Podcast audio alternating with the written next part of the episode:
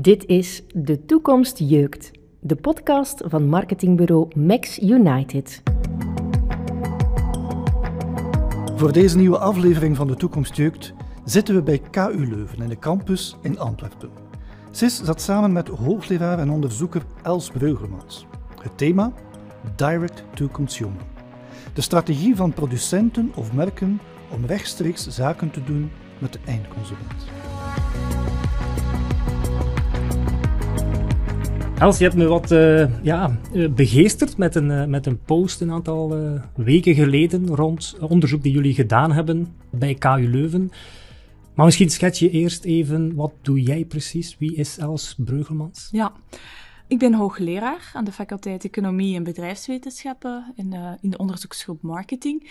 En als ik ja, nadenk over mijn job, dan bestaat dat uit drie dingen. Ik geef onderwijs, onderzoeksmethodologische vakken, maar ook uh, inhoudelijke vakken, hè, retailing en e-commerce bijvoorbeeld.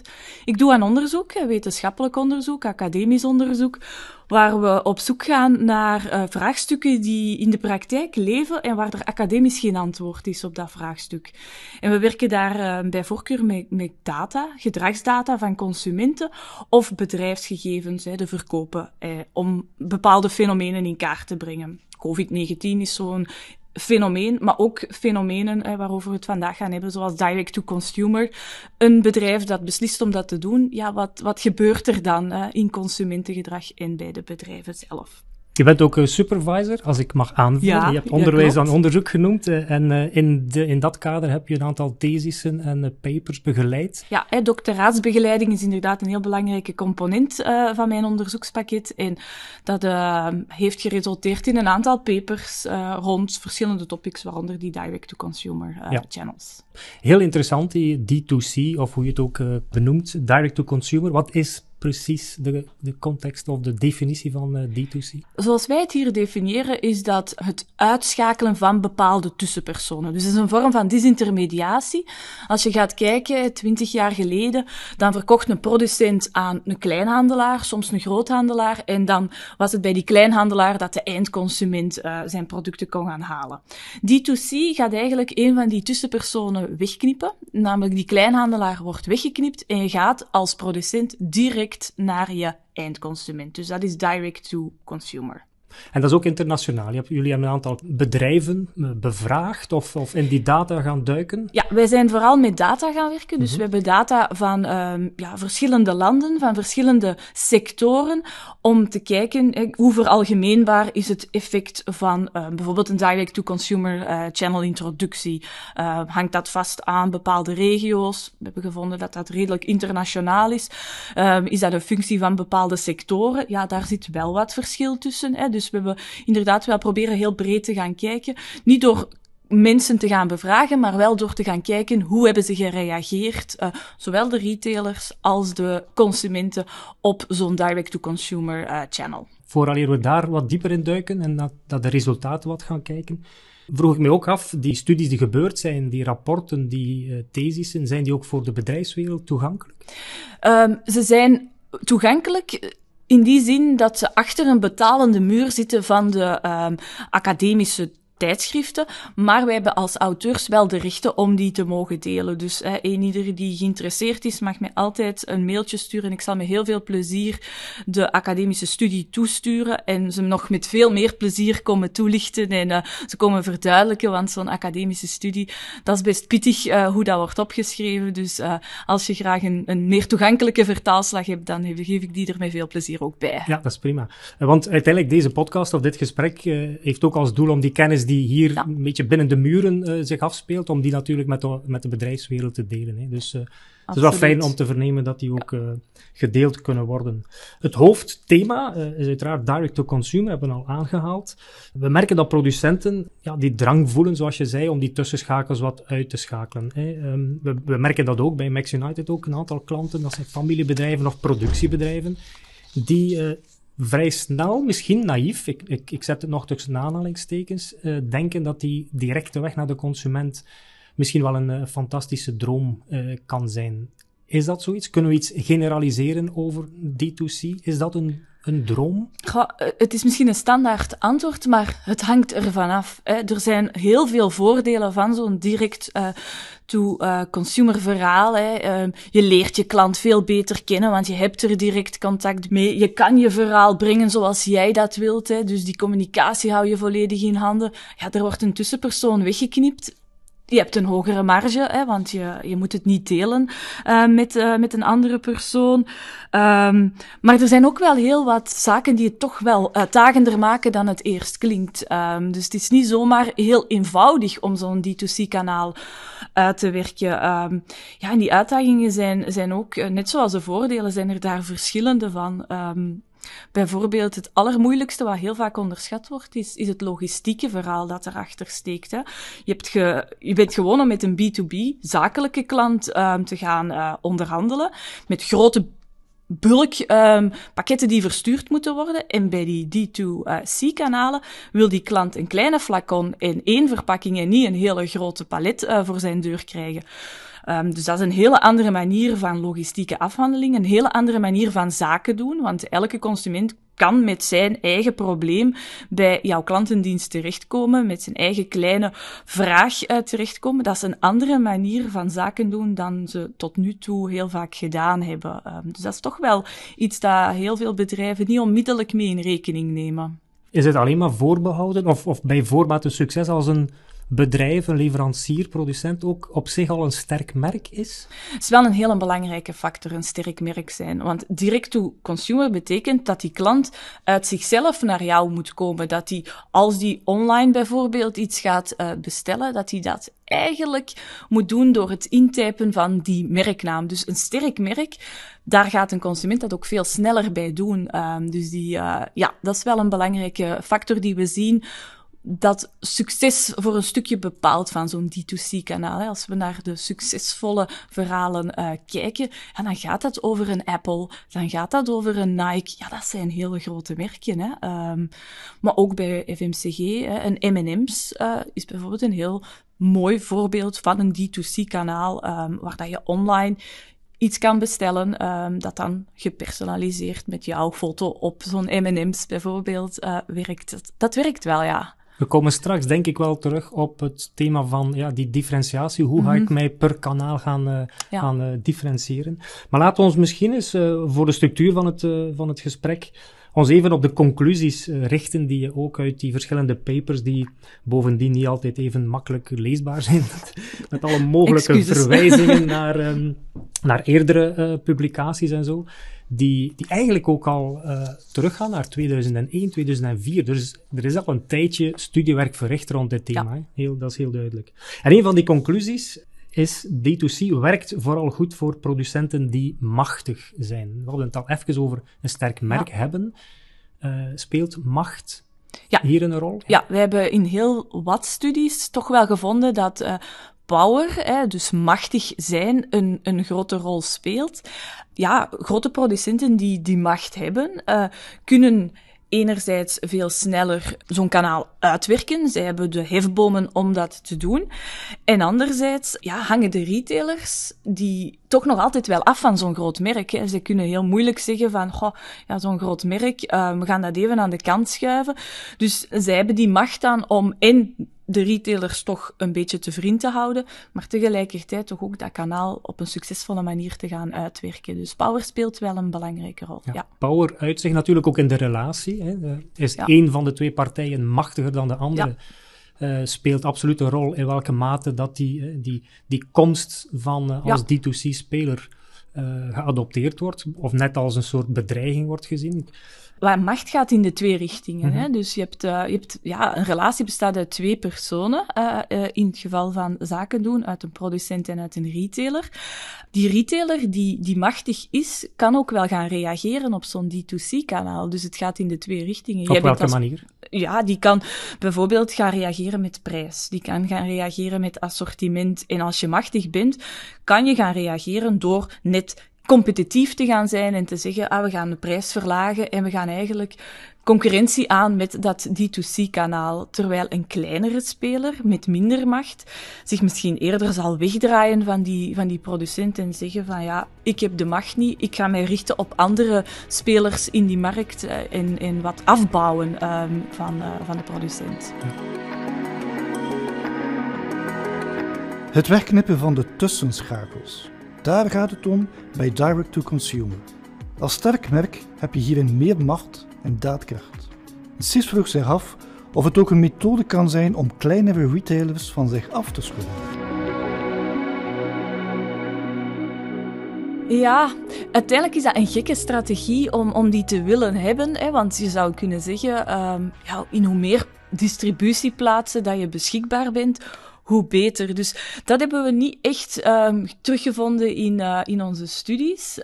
Tenzij dat natuurlijk een kleine speler heel veel werk vraagt en dat je daar heel veel kosten aan hebt en, en dat daar ja, veel uh, manuren naartoe gaan, kan dat inderdaad wel een vervanging zijn. Uh, ja, mijn, ref mijn reflex in die richting komt uit, uit, mijn uh, praktijkervaring ook, waarbij een producent van de gelegenheid gebruik gemaakt heeft om een, een statement te plaatsen naar de, de dealers toe om te zeggen, oké, wij gaan uh, die richting uit. Dus dat was echt een duidelijk uh, ja. D2C statement, waarbij ze eigenlijk gezegd hebben, wie meegaat, die krijgt onze steun. Wie achterblijft, even goede vrienden. Ja.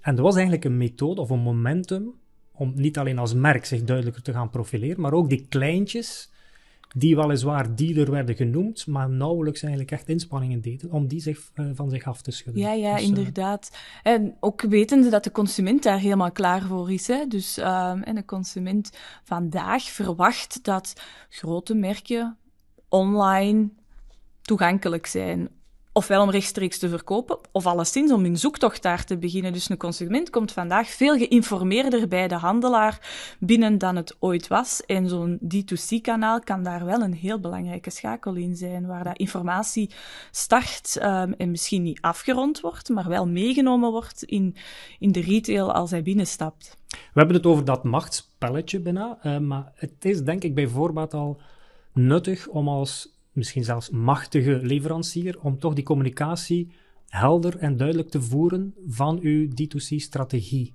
naar uw retailers toe? Is die, in welke mate speelt die communicatie, die helderheid, die eerlijkheid ook ja. een rol? We hebben wel gevonden dat um, vandaag heel veel retailers ook niet meer achterover vallen van het feit dat er zo'n D2C-kanaal uh, geïntroduceerd wordt. Hè. Twintig jaar geleden, bij onze eerste publicaties, vonden wij heel veel pers terug waar daar retailers verontwaardigd waren dat dat gebeurde en dat kon toch niet en zij waren toch de geprefereerde partner. Vandaag is zo'n reactie um, wellicht wat naïef. Hè? Als je zo als retailer reageert, dat het um, ja, een onverwachte move is, ja, dan ben je ook niet meer bezig met hoe de wereld er vandaag uitziet. Dus je kan inderdaad maar beter heel helder en heel open met je, uh, ja, met je retailers gaan communiceren wat je van plan bent. En er zijn ook heel wat cases waar je ze als partner kan gebruiken. Hè. Er zijn heel wat uh, producten waar het netwerk van je retailer een heel belangrijke schakel kan zijn om je product bijvoorbeeld te laten ophalen, te laten herstellen. Want vergeet niet, die dienst naverkoop wordt vandaag nog belangrijker dan ze ooit is geweest. En daar is waar de fysieke winkel zo'n meerwaarde heeft. En het zijn nu net de retailers die die fysieke winkels hebben. Dus um, als je het kan um, zo communiceren dat het een samenwerking en een partnership wordt, dan denk ik dat er wel eens een hele mooie win-win situatie kan ontstaan um, door zo'n D2C-introductie. Uh, ja, dan moeten die retailers natuurlijk ook dat licht zien, hè, ja. om het uh, op het positieve te benaderen en niet als een dreigement uh, te aanschouwen. Ja, dat is inderdaad een, een, een, een mindset change die nodig is. Ze moeten zich echt wel uh, ja, openstellen voor de mogelijkheden die een D2C-kanaal uh, ook biedt. Hè. Als we even kijken naar e-commerce, dat werd vroeger ook als vijand gezien. In heel veel bedrijven intern was e-commerce de grote vijand. Ja, als je dat op dit moment nog altijd denkt, dan heb je het ook niet begrepen, want dat kan gewoon een hele grote opportuniteit zijn dat is net zo voor D2C. Um, als je het op een goede manier inzet, kan dat ook voor de retailers echt wel een hele mooie kans bieden um, als, uh, als tussenpersoon. Ja. Ik zat een uh, aantal jaar geleden in een focusgroep waarbij een leverancier effectief ook met uh, zijn retailers of een selectie daaruit de opening probeerde te vinden om D2C te gaan. En de mature, stevige, volwassen ook online aanwezige retailers, die waren meteen gewonnen voor het idee, want een sterk merk vereist ook dat het online ook gebeurt en dat er ook uh, op dat vlak ja. uh, naam en faam gemaakt wordt. Maar die kleinere, die kropen in een hoekje en die, die vonden het echt een dreigement. Dus die mm -hmm. maturiteit speelt ook wel een heel grote rol. We mogen het niet veralgemenen. Hè. De retailer nee, nee, uh, absoluut doet niet, altijd hè. hetzelfde. Nee. nee, nee, nee absoluut niet. Hè. Wij hebben ook in onze studies uh, duidelijk gevonden dat sommige retailers synergie ervaren als zo'n D2C-kanaal wordt uh, geopend. En ja, je gaf het net aan, het zijn degenen die ook online sterk aanwezig zijn, die ook dat specialisme proberen um, naar voren te schuiven als een uh, waardepropositie. Dat zijn degenen die eigenlijk een, een winst halen uit zo'n D2C-verhaal, uh, omdat zij ja, die um, geïnformeerde consument als een hefboom kunnen gaan gebruiken als die binnenwandelt. Ja, die weet ondertussen meer dan sommige kleinhandelaars zelf. Ja, als jij die dan de juiste dienstverlening nog kan bijgeven, dan gaat die klant heel gelukkig buiten. Um, en ja, de kleinere spelers die um, vandaag een beetje vis nog vlees zijn, hè, die, die um, eigenlijk hun waardepropositie niet meer goed kennen, ja, die voelen zich uiteraard nog een keertje bedreigd. Hè. Die worden langs veel kanten aangevallen. Dus ja, die, die zijn niet mee geëvolueerd in uh, de huidige uh, manier van zaken doen. Tijd voor een volgende conclusie. Voor producenten en retailers is het belangrijk om cannibalisatie te beperken door voor elk kanaal een onderscheidende en unieke rol te bedenken. Zien daar ook wel hele mooie voorbeelden van dat een D2C-kanaal eigenlijk iets aanbiedt dat je in de retail niet kan vinden. Ik gaf het voorbeeldje van een M&M's uh, eerder al. Ja, het feit dat je daar uh, gepersonaliseerd iets kan laten drukken op die M&M is een hele mooie um, meerwaarde ten opzichte van wat je in de winkel voorverpakt uh, terugvindt.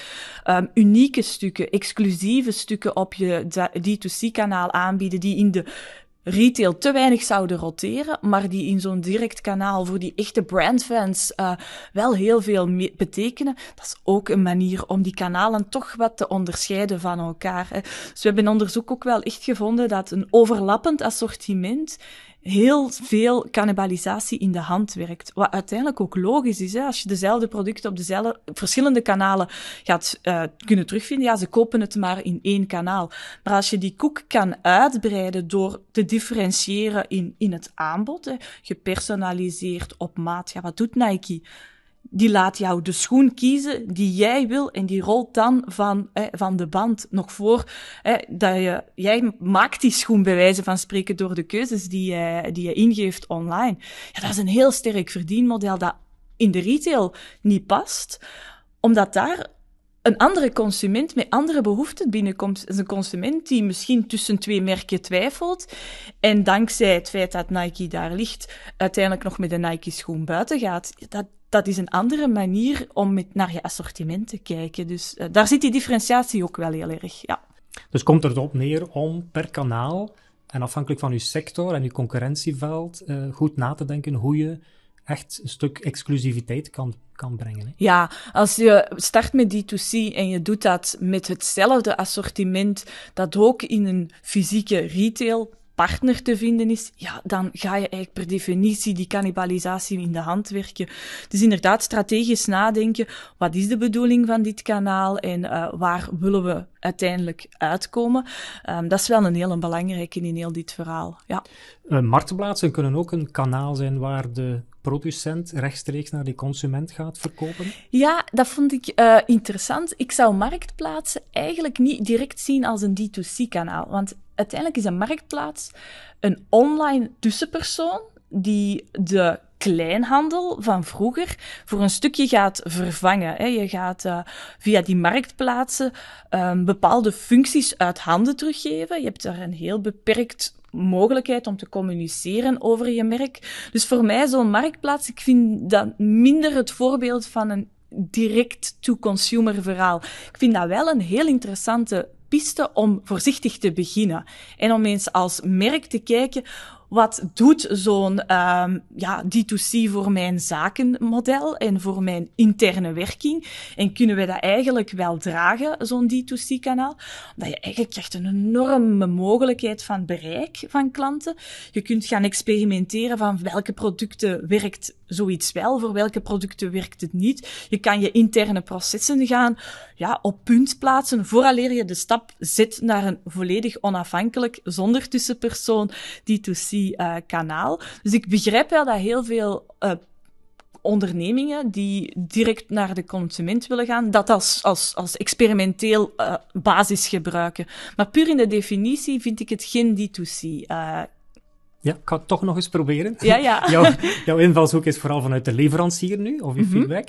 Uh, ik merk wel dat bepaalde retailers ook op een achterpoten staan als ze zeggen, oké, okay, als ze merken of ontdekken dat de leverancier het merk via die weg een beetje eh, op kousen voeten toch die consument weten te vinden. En dan werpt dat toch een beetje een, een negatief beeld. Dat wordt dan uh, ja, heel bedreigend ervaren. Ja, ja dus, dat is inderdaad wel zo. Hè? je gaat daar, dat wel klopt, is dat je daar de huidige kanalen en de huidige tussenpersonen mee buitenspel zet. Hè. Dus uh, die ga je eigenlijk niet meer nodig hebben om via weliswaar een andere tussenpersoon toch direct naar die klanten ja. te kunnen gaan. Natuurlijk is altijd zoeken naar die balans. Hè. Wanneer verlies je hè, de, door ja. de cannibalisatie je stuk omzet en wanneer win je terug? Die balans is nooit in evenwicht. Klopt. Dat merken wij ook vanuit de praktijk, dus dat is altijd uh, toch wel opletten geblazen. Klopt. Hè. Um, het is ook uh, in onze studies ook wel de bedoeling om af te leiden wat er gebeurt, maar we hebben vaak ook niet het volledige plaatje.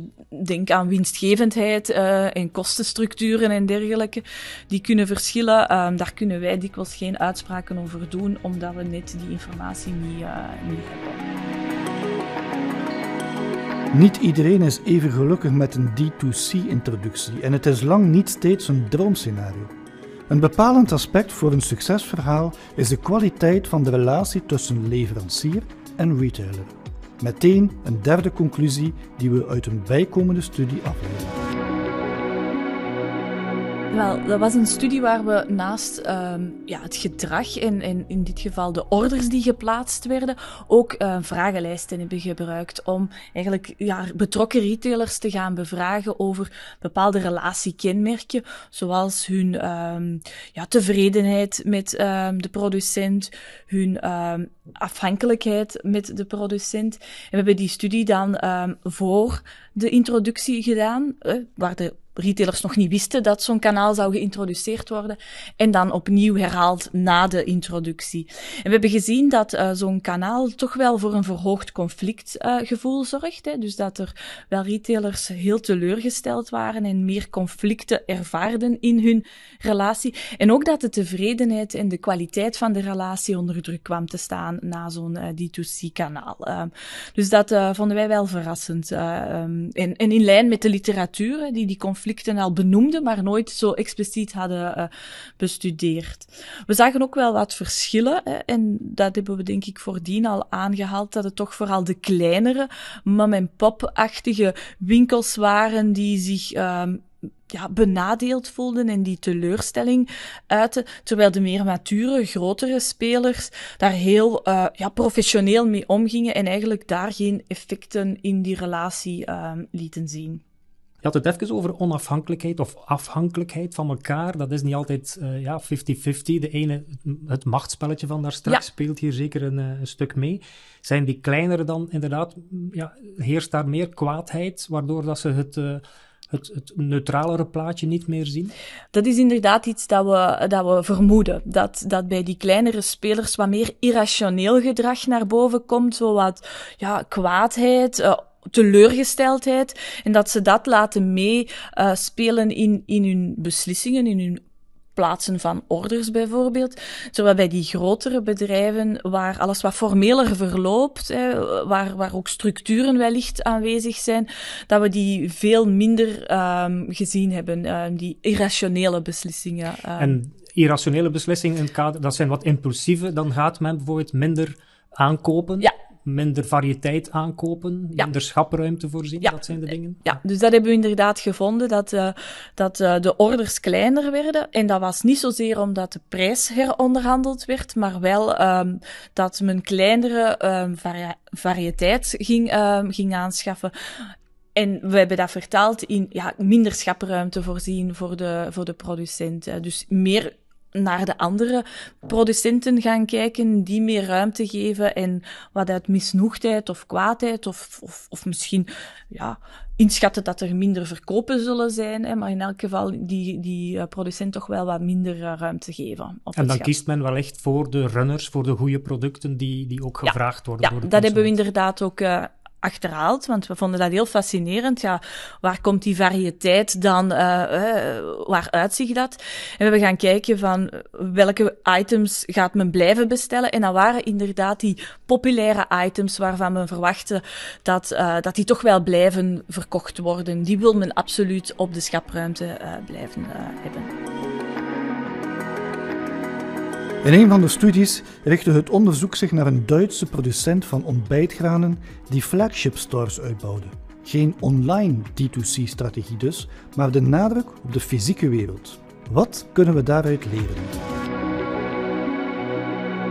Uit onze studie uh, bleek dat dat als je puur naar verkopen keek, dat dat behoorlijk succesvol was. Uh, hè, dus de verkopen in zo'n winkel compenseerden voor de cannibalisatie die zij hadden, vooral in hun eigen online kanaal.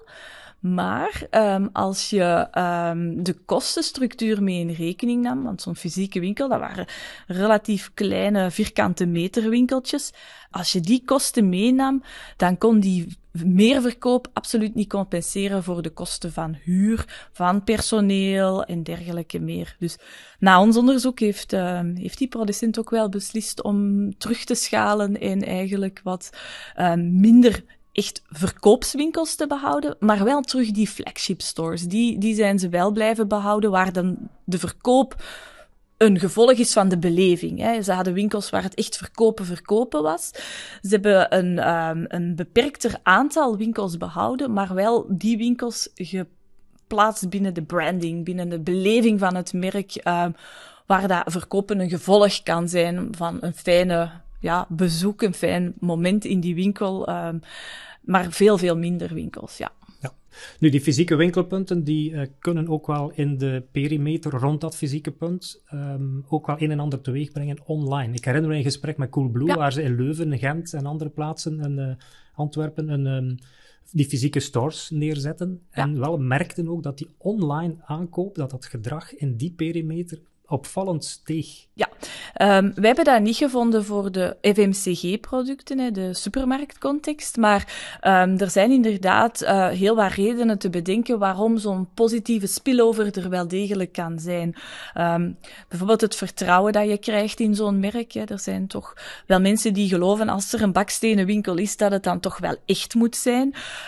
je kan daar een bepaalde dienstverlening geven die ja, zeker in de dienstnaverkoop een heel grote meerwaarde kan zijn. Hè. Je hebt een product dat, um, dat niet doet wat het moet doen. Ja, breng het dan snel naar de winkel terug.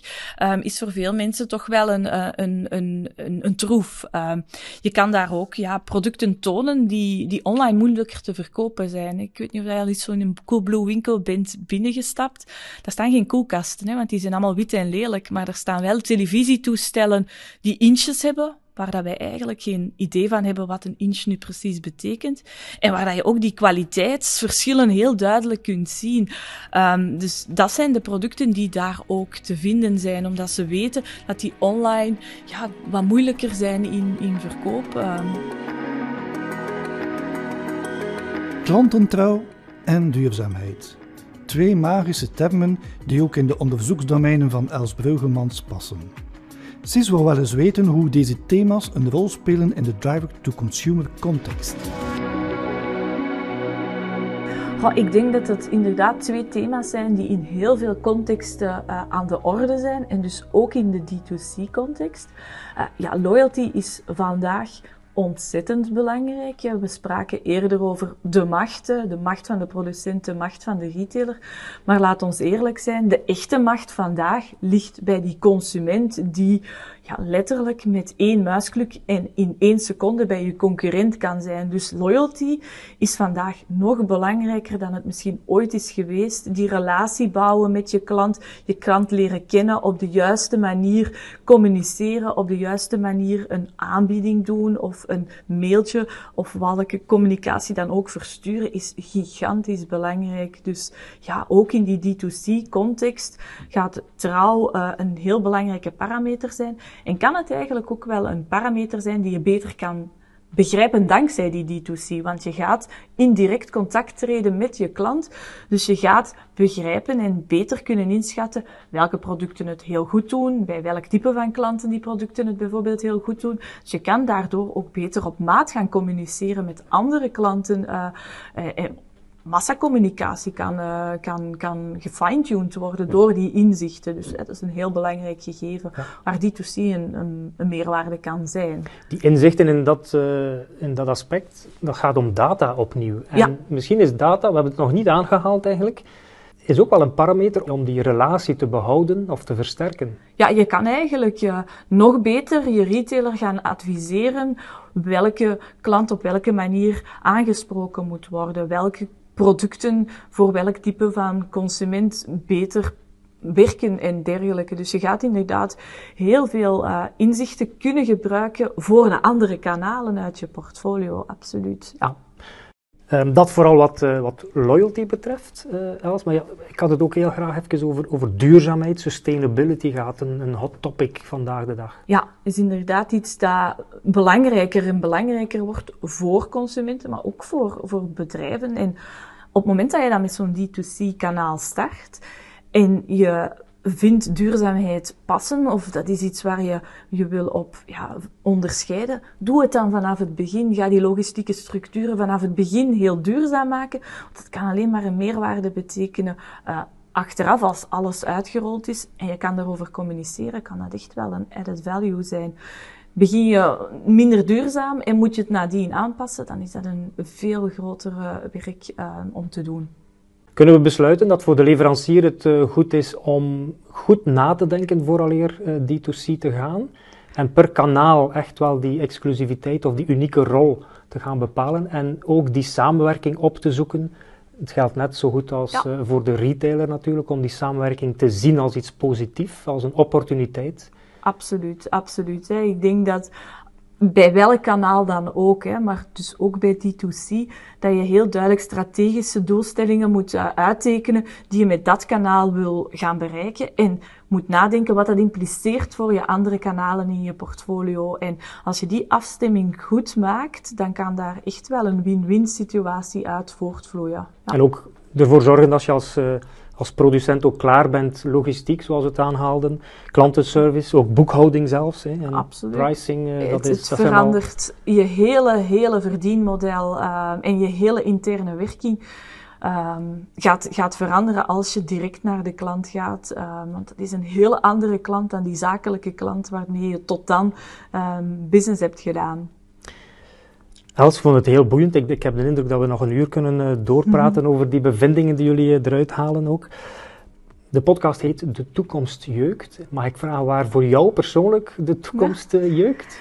Dat is, dat is, een hele goede vraag. Het jeukt op heel, heel veel plaatsen. Ik vind heel veel dingen ontzettend boeiend. Ik zie ook heel veel punten waar we academisch nog geen antwoord op kunnen geven. Dus mijn academische carrière is zeker en vast nog niet gedaan. En ik, kijk met heel veel plezier naar de toekomst om uh, een antwoord te kunnen bieden op, uh, op die jeukende plaatsen. Ja.